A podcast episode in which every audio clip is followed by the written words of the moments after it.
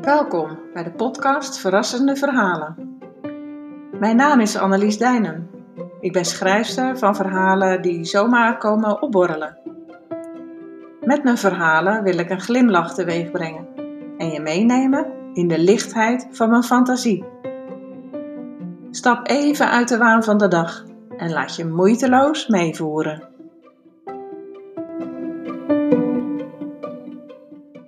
Je luistert naar aflevering 4, Apfelstroedel. Het is lang geleden dat ik op het terrasje zat.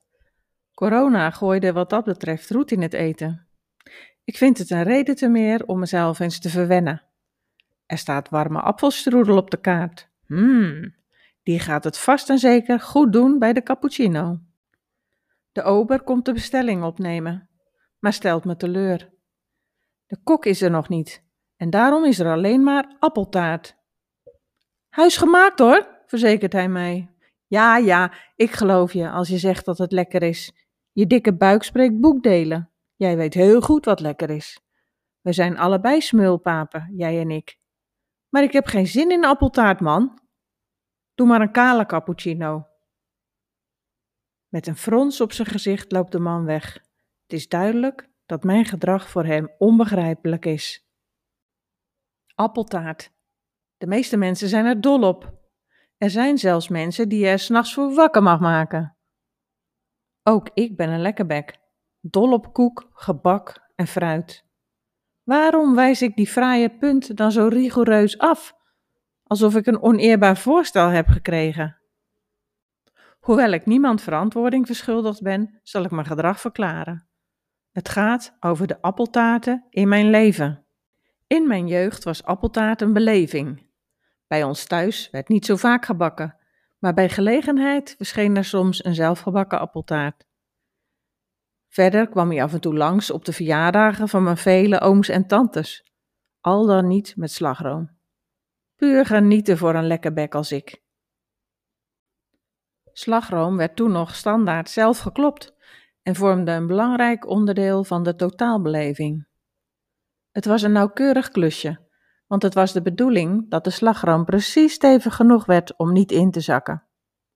Intussen moest hij ook die heerlijk romige smaak afgeven. Lekker vet en iets wat zoet, alsof er een engeltje over je tong, zeg maar. De grens tussen dit perfecte resultaat en tot boter geslagen dus niet te vreten, is flinterdun. Slagroomkloppen was een ware kunst in de roaring sixties van mijn jeugd. Appeltaart bleef voor mij een beleving tot het einde van de seventies. Inmiddels had ik verkering en mijn schoonmoeder had in die jaren een bakmanie. Fantasie kon men haar niet verwijten. Haar enige baksel was appeltaart. Grote hompen, ieder weekend opnieuw. Niet één keer, maar minstens twee en soms nog vaker. Een weekend duurt tweeënhalve dag als je de vrijdagavond meerekent. In die tijd kun je heel vaak koffie drinken en daar moest standaard iets bij, liefst appeltaart. Aanvankelijk kon ik mijn geluk niet op natuurlijk, met iedere week dit soort belevingen. Maar weet je hoe snel je dit tegen kan gaan staan? Heel snel. In een paar weken was mijn beleving al om zeep geholpen. Appeltaart eten werd een verplicht nummer, want afslaan voelde als een onbeleefde en openlijke aanval op mijn schoonmoeder en haar bakkunst. Dat doe je natuurlijk niet, als je leven en haar zoon je lief zijn. Bovendien had ik thuis geleerd braaf mijn bord leeg te eten. Dit ging zo een aantal jaren door en ik deed af en toe wat laffe pogingen om kleine stukjes te eisen. Maar het woord klein bestond sowieso niet in het woordenboek van mijn schoonouders. Als het maar veel en vet is, dat leek hun motto. De appeltaart kwam zo'n beetje letterlijk mijn oren uit. Vooral de appeltaart voor een dag oud die al wat sompig werd. Net uit de oven was nog enigszins te verdragen vanwege de lekkere geur. Wat dat betreft is appeltaart als koffie voor mij. Niet om te eten of te drinken, maar vooral om aan te ruiken. Wat was ik blij toen we na een aantal jaren verkering op onszelf gingen wonen. verlost van de overdaad aan appeltaart. Net zo blij was ik dat het niet in mijn schoonmoeders hoofd opkwam om taarten voor ons te bakken. Dat rekende ze tot mijn taak vanaf het moment dat ik haar zoon overnam. Appeltaart bakken? Dat heb ik vrijwel nooit gedaan en al helemaal niet om mezelf een plezier te doen. Manlief is nog steeds dol op appeltaart. Hoe is het mogelijk, zou je zeggen? Tja, waarmee je bent opgevoed, daar blijf je je leven lang last van houden. Net als dat ik nog steeds vind dat ik dankbaar mijn bord leeg moet eten en geen voedsel mag verspillen. De kindertjes in Afrika zouden er immers een moord voor doen. En dat zij aan het moorden slaan, dat wil ik natuurlijk niet op mijn geweten hebben. Van ellende is mijn man zelf aan het appeltaartenbakken geslagen. Niet zo fanatiek als zijn moeder gelukkig. Gewoon af en toe, als hij het niet meer kan houden. Om dezelfde reden ontvoert hij me af en toe naar Café Centraal in Gouda. Bekend om zijn enorme hompen zelfgebakken appeltaart. Natuurlijk ga ik mee, vanwege de enorme grijns op zijn gezicht bij de aanblik van zo'n homp. Je gunt je lief iets, toch? Manlief heeft een appeltaartmaatje gevonden in de buurman. Vaste stek op onze motortochten is restaurant Lekzicht. De motor van de buurman trekt daar als vanzelf op aan, als een paard dat de stal ruikt. Pas na Lekzicht kan een tocht echt van start. Gelukkig mag ik daar de appeltaart weigeren. Inmiddels is mijn schoonmoeder al vele jaren dood.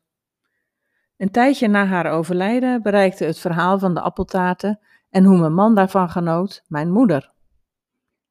Sindsdien is meestal niet zelfgebakken, maar zelf afgebakken appeltaart vaste prik als we aangekondigd bij mijn ouders op de koffie gaan.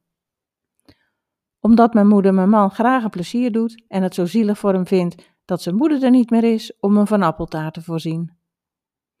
En misschien ook omdat ze mij niet zo'n beste echtgenote vindt, nu ik deze taak niet heb overgenomen van mijn schoonmoeder. Dat mag mijn moeder zichzelf aanwrijven. Zij heeft me immers opgevoed.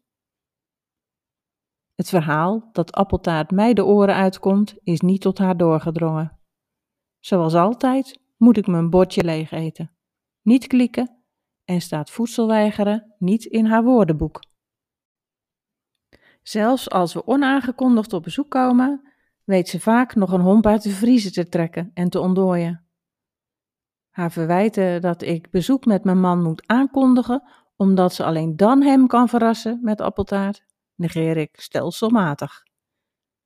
Liever overrompel ik haar op een dusdanige manier dat ze geen appeltaart met liefdevolle grijns aan mijn man kan serveren. De onvermijdelijke verwijten neem ik voor lief. Na al die jaren is appeltaart nog steeds een dingetje. Ik verdraag het, met heel veel mate. Vers uit de oven en met veel korst. Dit jaar heb ik al een homp op. Dat was alweer genoeg. Daarom, beste ober van dit etablissement en collega Smulpaap, bestel ik vandaag geen appeltaart bij jou. Inmiddels is de ober terug met de cappuccino en een grijns op zijn gezicht. Hij kan me toch verwennen als ik nog tien minuutjes heb. Met appelstrudel, met slagroom en vanillesaus. Zelfs met ijs als ik dat zou willen, maar dat laatste wil ik niet. Ja man, doe maar. In dit geval heb ik wel meer dan tien minuten. Jij maakt een beleving van mijn eerste terraservaring na de lockdown.